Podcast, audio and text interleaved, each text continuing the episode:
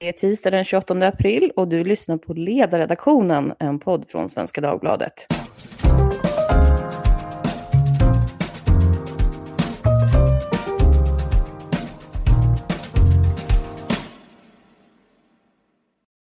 Jag heter Lydia Wåhlsten och idag ska vi prata om coronapandemin ur ett bredare perspektiv.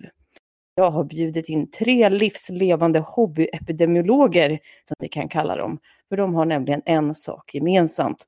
De har alla uttalat sig om pandemin utan att vara klassiskt medicinskt skolad i R-världen. Istället kommer de från tre helt olika domän. En med erfarenhet från statsförvaltningen, en från ekonomiområdet och en från det journalistiska vetenskapliga hållet. Frågan som jag tänkte att vi ska prata med dem om idag är hur de ser på svensk hantering av pandemin utifrån just sin unika förförståelse. Och med det så säger jag varmt välkommen. I rollen som mannen med stor erfarenhet av statsförvaltning har vi min tidigare kollega och SvD-krönikören Olof Ehrenkrona. Hej! Här finns också vetenskapsjournalisten Henrik Höjer från tidskriften Kvartal, tidigare på Forskning och framsteg, också är doktor i historia. Välkommen till dig med! Tack så mycket! Och sen har vi Isak Coopersmith med, doktorand i nationalekonomi vid Handelshögskolan i Stockholm. Min första fråga låter så här och är kanske lite ledande. Är det för många amatörer som uttalar sig om pandemin? Ja eller nej? Vad säger Olof? Nej, eh, pandemin är en samhällsfråga och den måste bedömas utifrån olika samhällsperspektiv. Eh, vi lever i en demokrati och vi lever i ett land med yttrandefrihet.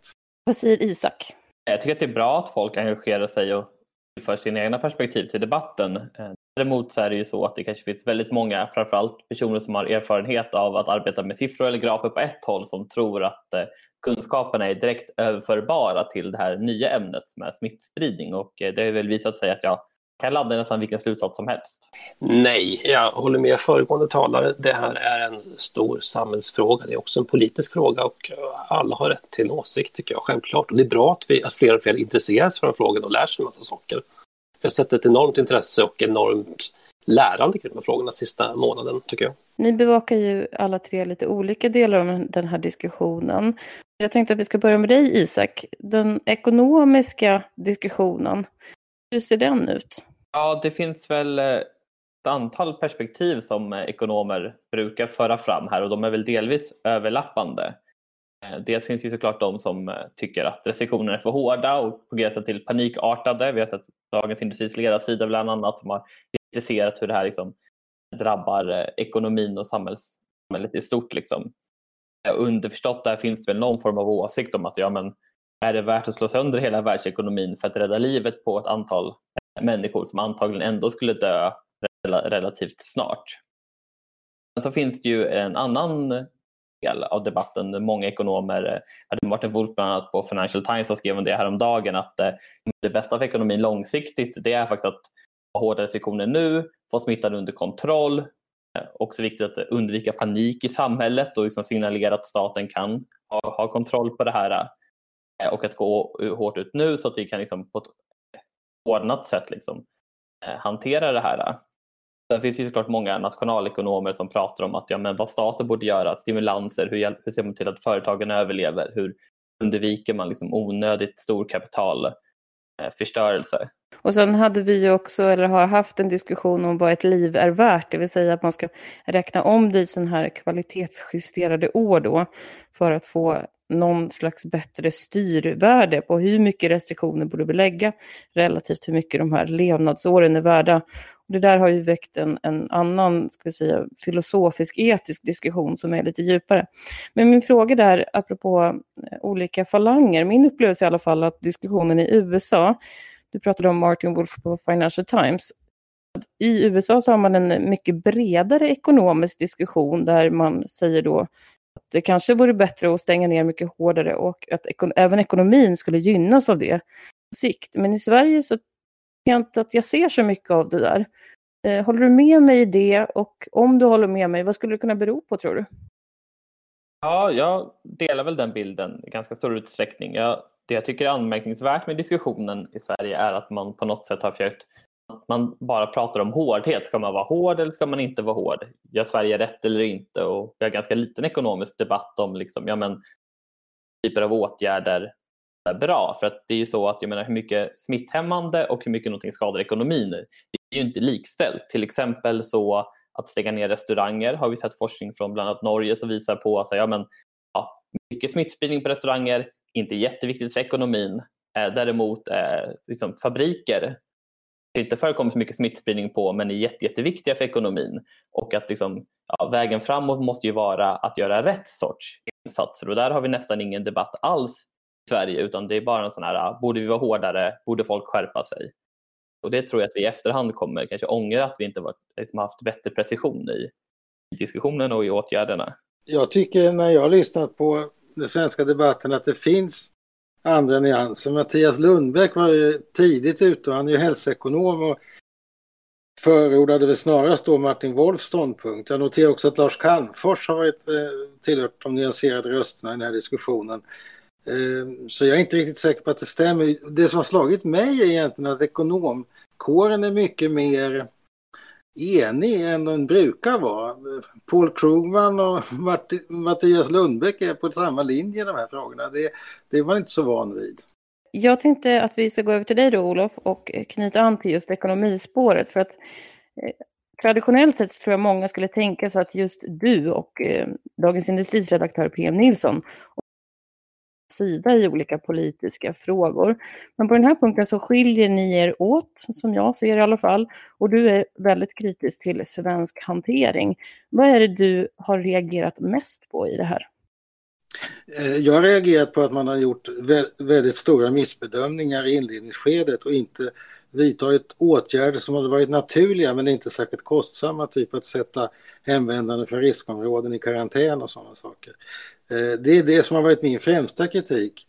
Eh, jag menar att man skulle ha fokuserat hårt på att begränsa smittan. Men det innebär inte nödvändigtvis att man måste ha en jättebred lockdown i ekonomin. Man kan vara, man kan vara ganska precis och adekvat i sina åtgärder utan att för den, den sakens skull ställa till stor skada. Vad man behöver göra är att få ner reproduktionstalet till under ett. Och sen med hjälp av olika metoder försöka hålla det där.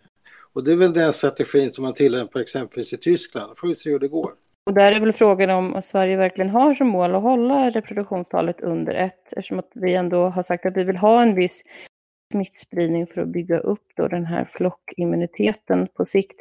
Det där såg jag att du Isak har varit på, på Twitter och sagt att, eh, att folk borde vara tydligare med vad de tycker här Det finns ju i debatten, eh, tycker jag är väldigt anmärkningsvärt, att både de som förespråkar den här strategin och de som kritiserar den är ganska otydliga med var man står i den här frågan. Vill vi liksom trycka ner och få bort smittan helt innan vi når flockimmunitet?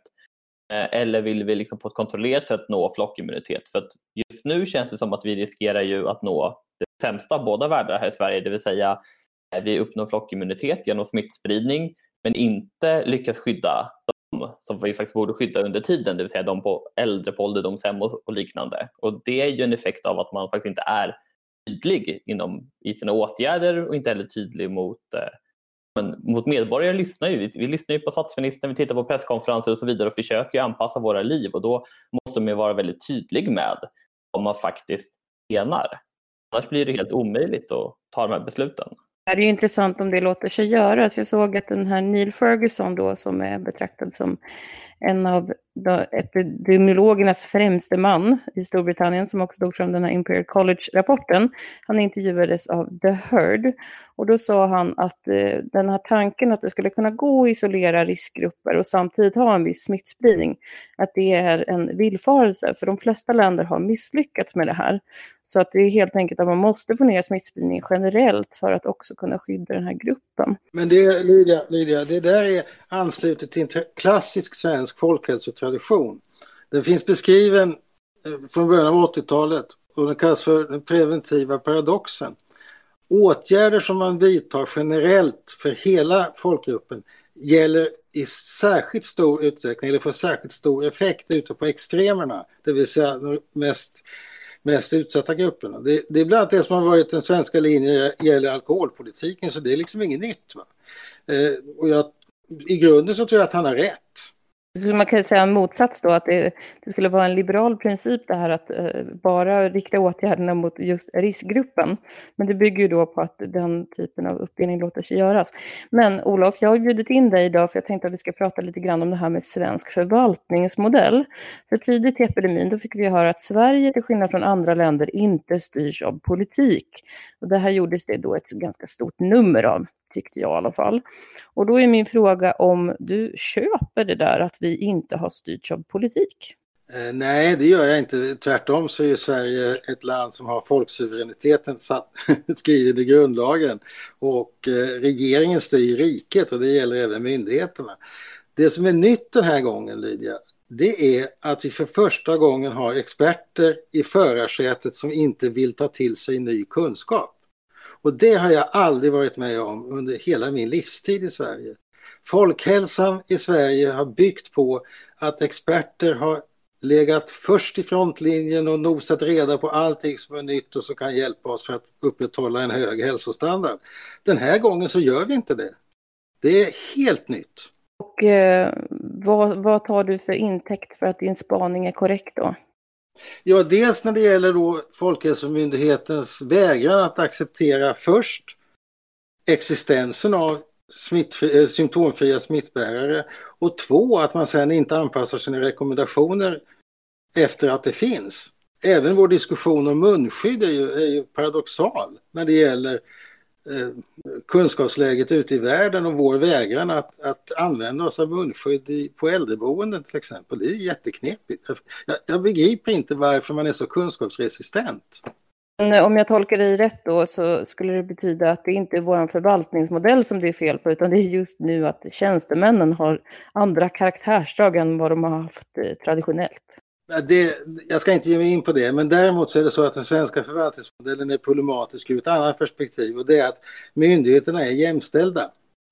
Eh, om två myndigheter ska samverka så måste det ske på ett gemensamt territorium eller att någon ger efter sitt territorium till den andra och det gör de inte gärna och då blockerar de varann. Det måste finnas en regering som dömer av myndighetskonflikter. Om inte regeringen dömer av sådana konflikter så blir det stando och det är det vi ser nu när det gäller forskningsdata. Insamlingen av forskningsdata har gått i stå därför att två myndigheter inte är överens. Och regeringen är helt passiv. Där kan man väl säga till de som lyssnar då, som inte hänger med kanske lika mycket i debatten, så handlar det då om att MSB, Myndigheten för skydd och beredskap, skulle utveckla en tjänst där man eh, samlade in information om smittspridning. Och då är den senaste uppgiften är att det här var MSBs initiativ och sen har Folkhälsomyndigheten bistått dem. Men nu har Anders Tegnell gått ut och sagt att samla in den här datan kan betyda att det orsakar oro bland befolkningen och att den här oron i sin tur skulle göra att vården blir överbelastad. Och därför har det här pausats. Man kan notera att det är många andra länder som tycks ligga mycket längre fram när det handlar om att ta fram sina smittspårningsappar både Storbritannien, Danmark och Norge har jag sett som ligger betydligt längre fram. Norge har även lanserat en app som en och en halv miljon norrmän redan har laddat ner. Det verkar som att IT-undret Sverige har inte riktigt levererat än så länge. Men eh, ja, Olof, en annan sak, det var att jag såg på din Facebook då, många som följer dig där tycker ju generellt sett, antar jag, att du är en väldigt eh, pålitlig och trygg person. Och nu såg jag att det var någon som tyckte att du tappar i anseende för att du uttrycker din kritik mot regeringen och Folkhälsomyndigheten i så skarpa ordalag. Då såg jag att på Twitter så, så skrev du för 18 timmar sedan att det var så osannolikt amatörmässigt om det här med att Tegnell hade stoppat datainsamlingen. Så min fråga är, eh, vad svarar du de här som tycker att ditt, dina känslor i den här diskussionen gör att du tappar i trovärdighet? Ja, det är väl inte min trovärdighet som är problemet i det sammanhanget. Låt mig säga det att den här datainsamlingen handlar ju om att skapa en databas för forskningen. Eh, det är alltså inte riktigt samma databas som man jobbar med eller som man planerar i Tyskland till exempel, utan det här är, det är att ta fram hälsodata som forskningen ska kunna använda. Eh, och att eh, att Folkhälsomyndigheten har stoppat detta med hänvisning till att det kan skapa oro i befolkningen. Det är väl snarast tvärtom, att om befolkningen känner att man inte vill skaffa sig kunskap så är det det som skapar oro. Eh, i mina insatser som i mina få, för mina få följare på Facebook och Twitter tror jag mycket liten, liten del i sammanhanget. Men det är klart att det är amatörmässigt, visst är det det. Det, det, det är oerhört amatörmässigt för att vi är världsledande, till och med världsledande länderna när det gäller digitalisering och, och mjukvaruutveckling. Det, det här är ju inte en mjukvara som MSB har suttit och totat ihop själva. De har ju, de har ju tagit tagit kontakt med några av Sveriges viktigaste, eller mest kunniga mjukvaruutvecklare. Eh, de har gjort ett fantastiskt jobb. Den finns ju där. En annan sak då, om vi ska koppla tillbaka till där vi började med hobbyepidemiologerna, så kunde i alla fall jag notera att Ulf Kristersson, när han var med i Ekots lördagsintervju, då sa han just att han inte ville uttala sig som hobbyepidemiolog. Och jag tror att vi har ett klipp av det också. Men du vill inte säga idag om det finns något mer som du tycker att regeringen eller Folkhälsomyndigheten borde ha gjort? Eller ligger ribban på rätt nivå? Ja, det rent medicinska, där tänker jag inte ge mig in. Jag brukar säga att jag, jag, jag tänker inte bli en av dessa många hobbyepidemiologer nu som, som låtsas vara expert på sånt jag inte är expert på. Utan där, där tror jag att vår tradition av att lita på expertmyndigheter, den har tjänat oss väl. Det har förstås en politisk logik i att Kristersson uttrycker sig på det här viset. Men vad tycker ni om det, är min fråga. Vad säger Henrik? Ja, jag skrev ju en krönika i Kvartal häromdagen om just det här med att lyssna på experterna, men tänk själv jag till. För att jag var lite störd på att det fanns en liten von attityd mot att folk intresserade sig för den frågan. Och kanske många, framförallt män, lägger ut många grafer och sånt, men, men återigen, det, det är ett uttryck för ett stort intresse och även oro förstås inför det här. Vi ser att, att dödligheten stiger och att vi har en stor pandemi. Så att självklart ska folk få, få, få, få spekulera och fundera och diskutera om det här. Det är ett tecken på att man är intresserad av vetenskap. Och som jag sa tidigare, vi har lärt oss jättemycket de senaste två månaderna. Även jag själv som absolut inte är epidemiolog eller någonting, men det finns en massa nya begrepp vi har lärt oss och eh, det är spännande att följa om man får uttrycka så mitt i den här tragiska pandemin att, att, vi, ett kunskapstillväxt kring de här frågorna. Men jag tänker på att det var just Ulf Kristersson då som ska vara oppositionsledare som säger att nej, men jag avstår från att göra politiska uttalanden i just den här frågan eh, för att jag är ingen hobbyepidemiolog. Ser du något problem med det där? Ja, som jag sa tidigare, det här är också en politisk fråga. Det är en massa avvägningar, målkonflikter som ligger i vågskålen och, och det måste vi få ha ståndpunkter, även oppositionen, tycker jag. Isak, eh, hur ser du på det där? Det finns ju två delar av det. Jag menar, klart att Ulf Kristersson, han kan ju liksom inte uttala sig om liksom, ja, men, hur sprids viruset, hur exakt skiljer sig olika situationer mellan varandra, men det kommer ju ändå ner till värderingar och avvägningar och det är det vi har politiker till och man kan inte gömma sig bakom att man liksom inte förstår allting på djupet. Jag menar, hela, hela poängen, hela anledningen till att vi har politiker och inte har ett teknokratiskt styre är ju för att kan inte forska oss fram till hur, vi, alltså hur man avgör målkonflikter och hur man väger olika saker mot varandra. Och det kan inte, bara för att man har studerat någonting länge på, på ett universitet och har mycket kunskap i det innebär inte att man kan liksom göra alla avvägningar inom det området utan där måste ju politikerna faktiskt vara fram och, och sätta ner foten. Olof, eh, jag tänkte fråga dig också det här med att ha en opposition i ett krisläge. Vad är oppositionens roll nu? Den är ju dubbel. I en sån här allvarlig nationell kris så vill man ju ha någon typ av sammanhållning. Och det som skiljer Ulf Kristersson från mig är att Ulf Kristersson kan ju tala med statsministern när han är missnöjd och vill ha saker utförda. Eh, och förhoppningsvis så lyssnar statsministern då på oppositionen.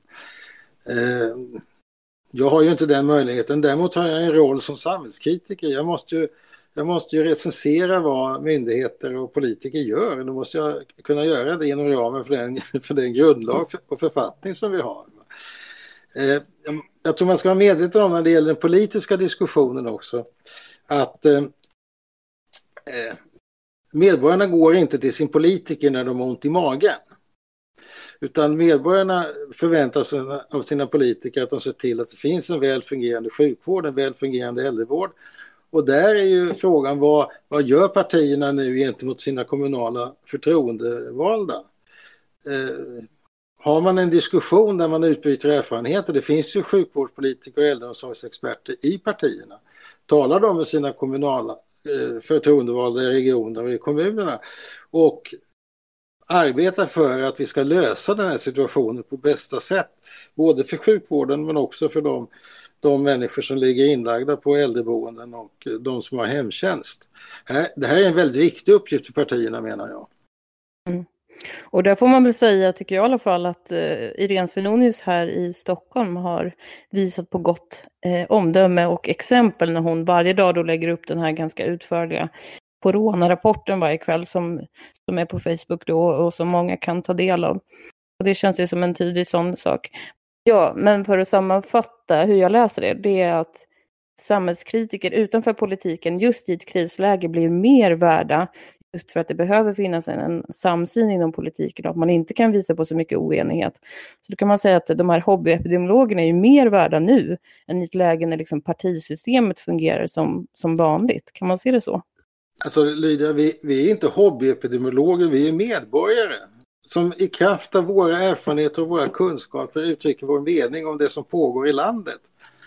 Eh, när det gäller oppositionen och regeringen så är det regeringen som styr riket och det är regeringen som har ansvaret för vad myndigheterna gör. Om myndigheterna gör fel och regeringen inte gör någonting åt det, då är det regeringens ansvar och inte oppositionens. Och oppositionens ansvar är att tala om för regeringen vad de tycker att man bör göra, men inte att ta över styrningen av riket.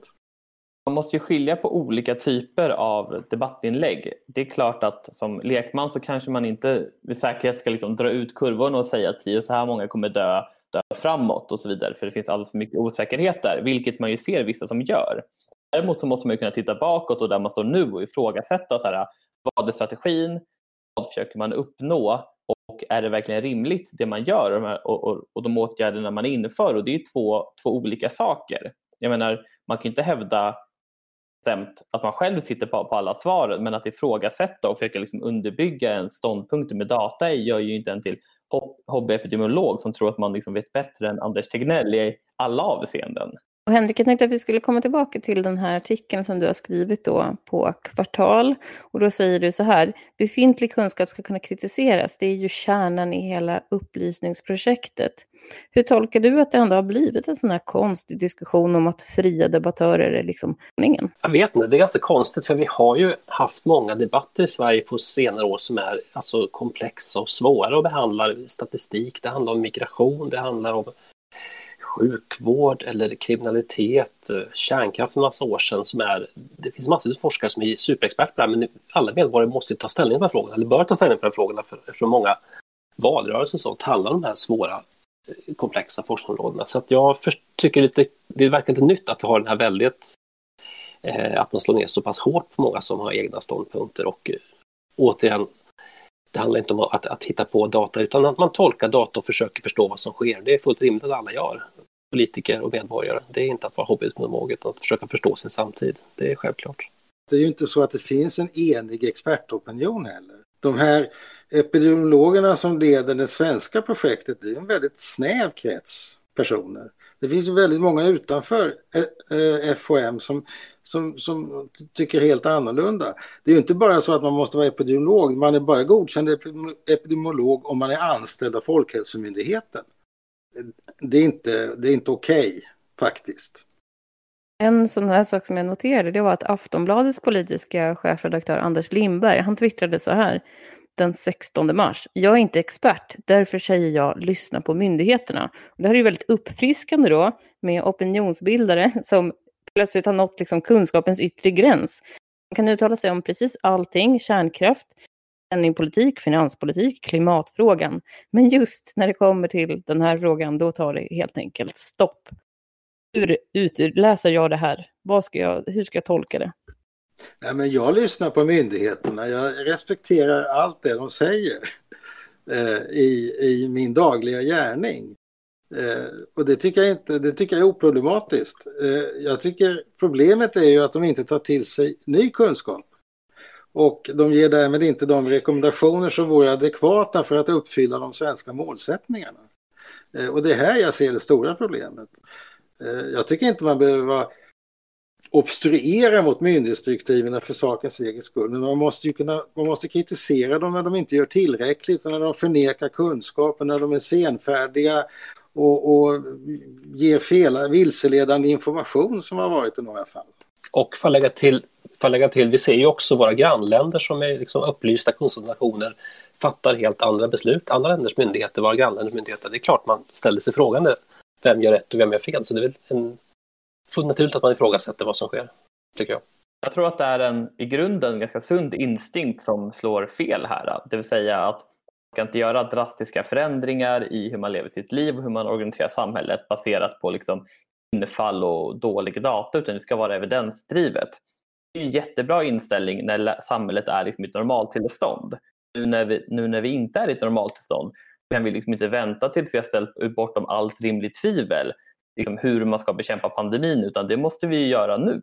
Vi kan inte veta om munskydd fungerar 100% nu men då måste vi ta ett beslut om det. Jag tror att det är den här instinkten, den här liksom väldigt forskningspositiva instinkten som slår lite fel ibland. Att man tänker så här, det är inte helt bevisat att det här fungerar, då ska vi inte göra någonting. Att det finns en slags eh, svensk ingenjörsmässig heder i det här, helt enkelt. Jag tänkte på, Henrik, i din text så skrev du också så här då, kunniga människor tenderar också att vara mer skeptiska till sin egen kunskap och i förlängningen även expertkunskap. Ju mer man vet, desto mer kritisk blir man. Då är min fråga om, om det skulle kunna vara så då att det är samma grupp som eh, är Folkhälsomyndighetens hårdaste kritiker som också är sina egna hårdaste kritiker? Oj, det, det kan jag inte säga, men det kallas för Dunning-Kruger-effekten och är rätt känt inom en massa områden att, att okunniga människor tenderar att vara tvärsäkra. Eh, nej, det kan jag inte svara på, men personligen försöker jag bejaka faktiskt min stora okunskap i, i många av frågorna och försöker ändra position under resans gång, för det kommer nya bud latin och försöka vara så hela tiden tänka mottanken för att inte fastna i något av de här skyttegravslägena. För det är en ganska otäck polarisering också i de här frågorna som är väldigt hård på sociala medier tycker jag. I alla fall har varit de senaste veckorna kring för eller emot Folkhälsomyndigheten. Så att eh, bejaka allt vi inte vet tycker jag är ett bra råd att tänka sig att, att vi, kommer, vi, vi vet fortfarande väldigt, väldigt lite om det här. Det, det forskas fortfarande om spanska sjukan för hundra år sedan. Det finns mycket man inte vet om den. Den här pandemin vet vi extremt lite om än så länge och det bör vi beakta tycker jag. Mm. Och då är det viktigt att man tar höjd för det man inte vet och att man agerar enligt en försiktighetsprincip. Eh, ta gärna till lite för mycket för att rädda liven för lite. Eh, min, erfarenhet efter många, många år i svensk statsförvaltning i olika positioner, det är ju då att det faktiskt händer att myndigheter har fel. Och min andra erfarenhet är att det är väldigt sällan som alla andra har fel än myndigheten. Vad drar du för slutsats av det här? Jag drar slutsatsen att i det här fallet är det väldigt berättigat att kritisera Folkhälsomyndigheten för vad som inte har uppnåtts och för den felaktiga information som har getts och det faktum att man inte har tagit höjd för ny kunskap och att man inte tar in ny kunskap. Det är precis det som var väl Isak som sa, det, att det är klart man måste kunna titta på vad som har hänt och på utfallet hittills. Sen är det en annan sak att ens kunskaper kanske brister när det gäller när det gäller att eh, prognostisera vad som kommer att hända i framtiden. Så är det ju. Eh, det är, inte, det är, det är därför vi har SMHI till exempel. Vi måste börja avsluta, men vi är ju bara i början av den här pandemin antagligen. Och min fråga är då hur ni önskar att samtalet utvecklas framöver och vad ni håller koll på just nu inom just ert område. Och då börjar jag med Isak. Ja, det jag framförallt skulle önska mig det är ju att alla från regering och folkhälsomyndighet till folk på Twitter faktiskt eh, kritisera och lyfta frågor men att man också är tydlig med, med vad, man är, vad man är ute efter. Är det så att vi ska nå flockimmunitet eller inte? Tycker man att man ska förtrycka smittan helt och hållet? Eh, och så vidare. Bland ekonomer så finns det ju en debatt nu det finns ett starkt liksom, näringslivsintresse som trycker på väldigt mycket, dels för väldigt mycket subventioner eh, och också för att börja öppna upp och jag tror att eh, nationalekonomer generellt sett har en tendens att ibland liksom springa lite för snabbt på, på de stora siffrorna. Moderaterna var, har pratat om 100 miljarder i månaden samtidigt som de säger att det här kan bli en väldigt lång och utdragen grej. Ja, 100 miljarder, det klarar vi av en månad, två månader, tre månader. Vi klarar inte av det om det börjar liksom gå mot ett år eller liknande. Jag måste jag faktiskt säga emot dig, eller utifrån en helt annan människas perspektiv. Jag pratade nämligen med Mikael Sandström då, tidigare statssekreterare under Fredrik Reinfeldt. Och då frågade jag just det här, hur länge skulle det vara hållbart med 100 miljarder i månaden? Och då sa han, ja, ett år, lätt skulle det vara värt. För att vi skulle fortfarande bara hamna på en genomsnittlig skuldsättning. Jag tror att det var OECD som han tog som jämförelseobjekt då. Sverige går ju inte under om vi går med liksom, tusen miljarder i underskott men det innebär ju att vi liksom då raderar 30 år av hårt arbete med våra statsfinanser och liksom flyttar oss på liksom ena ytterkanten kanske till, till liksom en helt annan position med de offentliga finanserna. Alltså det är inte någonting som kan göra gratis även om räntorna just nu är låga utan det är väldigt stora kostnader som kommer med det även om det kan låta som att det skulle vara helt gratis. Men ja, det är en stor egen diskussion. Så du efterlyser en ekonomisk diskussion, alltså som är kritisk mot subventions, det nya subventionssamhället. Då frågar jag Henrik vad du håller utkik efter. Ja, jag efterlyser mer ödmjukhet faktiskt från en debattörer som har ganska, det är ganska högt tonläge, ganska uppskruvat. Det kan man till viss del förstå när, när så pass många människor dör. Det, det är en tragedi som, det som sker, både humanitärt och ekonomiskt. Men ödmjukhet och även undvika förhastade slutsatser. Vi har sett några olyckliga fall på det tycker jag när de här 22 debattörer gick ut i DN och sen så fick de mothugg för att de hade fel. Sen kom det nya data som delvis bekräftade det de sa och då får ju, man kan vänta med att puckla på folk full fart för det kommer hela tiden nya data, ny kunskap. Så att ha, lite is i magen tycker jag och vänta på att kunskapsläget förbättras för det gör hela tiden och vi lär oss mera och därför tycker jag man ska undvika förhastade slutsatser. Olof, borde du bli snällare i debatten som Henrik föreslår här? Eh, ja, det kan man väl, det kan vara en generell uppmaning till alla i alla lägen. Men det som jag kommer att titta på, det är det som jag har tittat på hela tiden. Hur förhåller sig våra, våra rekommendationer till det aktuella kunskapsläget utanför Sverige och i Sverige? Och eh, jag kommer att titta på när börjar vi samla in ordentliga data så vi vet vad som händer på vårt eget territorium, i vårt eget land. Och i vilken utsträckning kommer myndigheternas rekommendationer nu och under lång tid framöver att anpassas till vad vi vet i, utomlands och här. Och eh, inte bara sätta sig och meddela att alla andra har fel. Det tycker jag är en, en, en närmast grotesk inställning till hur man bedriver seriös verksamhet. En grotesk inställning till hur man bedriver seriös verksamhet. Med de orden så får vi avsluta dagens podd och jag säger stort tack till vetenskapsjournalisten Henrik Höjer, doktoranden Isak Coopersmith och den statsförvaltningskunniga Olof Ehrenkrona. Har ni frågor om dagens podd eller tips på ämnen så hör ni av er som vanligt på ledarsidan svd.se. Tack för idag!